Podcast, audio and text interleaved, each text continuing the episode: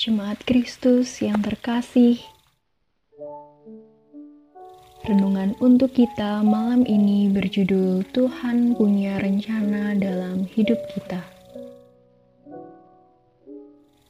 Dan bacaan kita diambil dari kitab Yesaya 49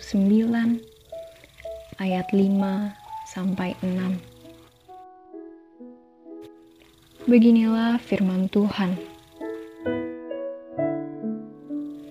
Maka sekarang firman Tuhan yang membentuk aku sejak dari kandungan untuk menjadi hambanya, untuk mengembalikan Yakub kepadanya, dan supaya Israel dikumpulkan kepadanya.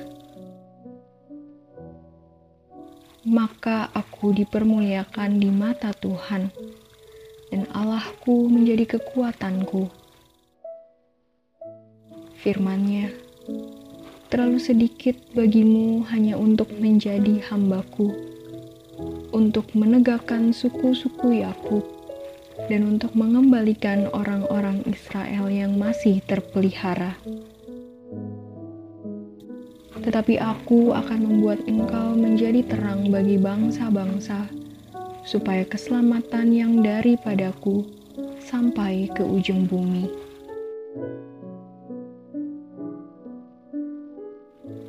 Kehadiran kita bukan tanpa sebab dan juga bukan tanpa maksud. Kehadiran kita di dunia sudah dirancangkan Tuhan sejak kita masih dalam kandungan.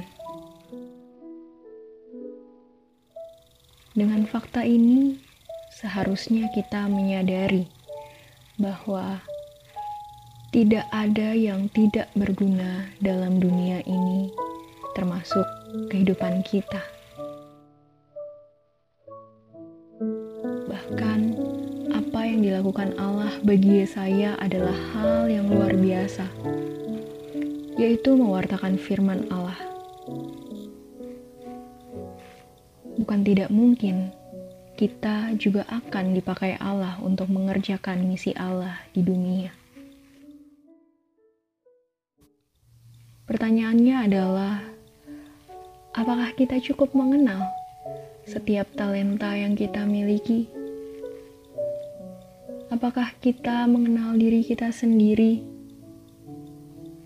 Sekaligus, apakah kita bersedia mendengar perintah Tuhan untuk kehidupan kita?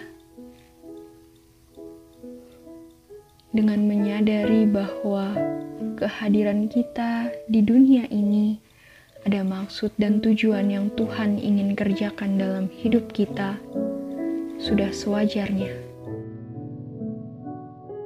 Kita menjaga diri dan tetap menguduskan diri. Bila nanti waktunya tiba,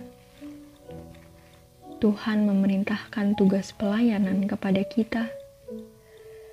Kita siap dan sedang dalam kondisi yang terbaik.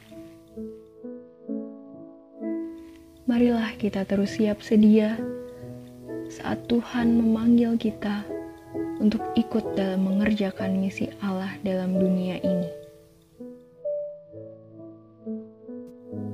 Tuhan sudah merencanakan segala sesuatu untuk kita kerjakan, dan juga Tuhan ingin kita menjadi rekan sekerja yang baik dan bertanggung jawab.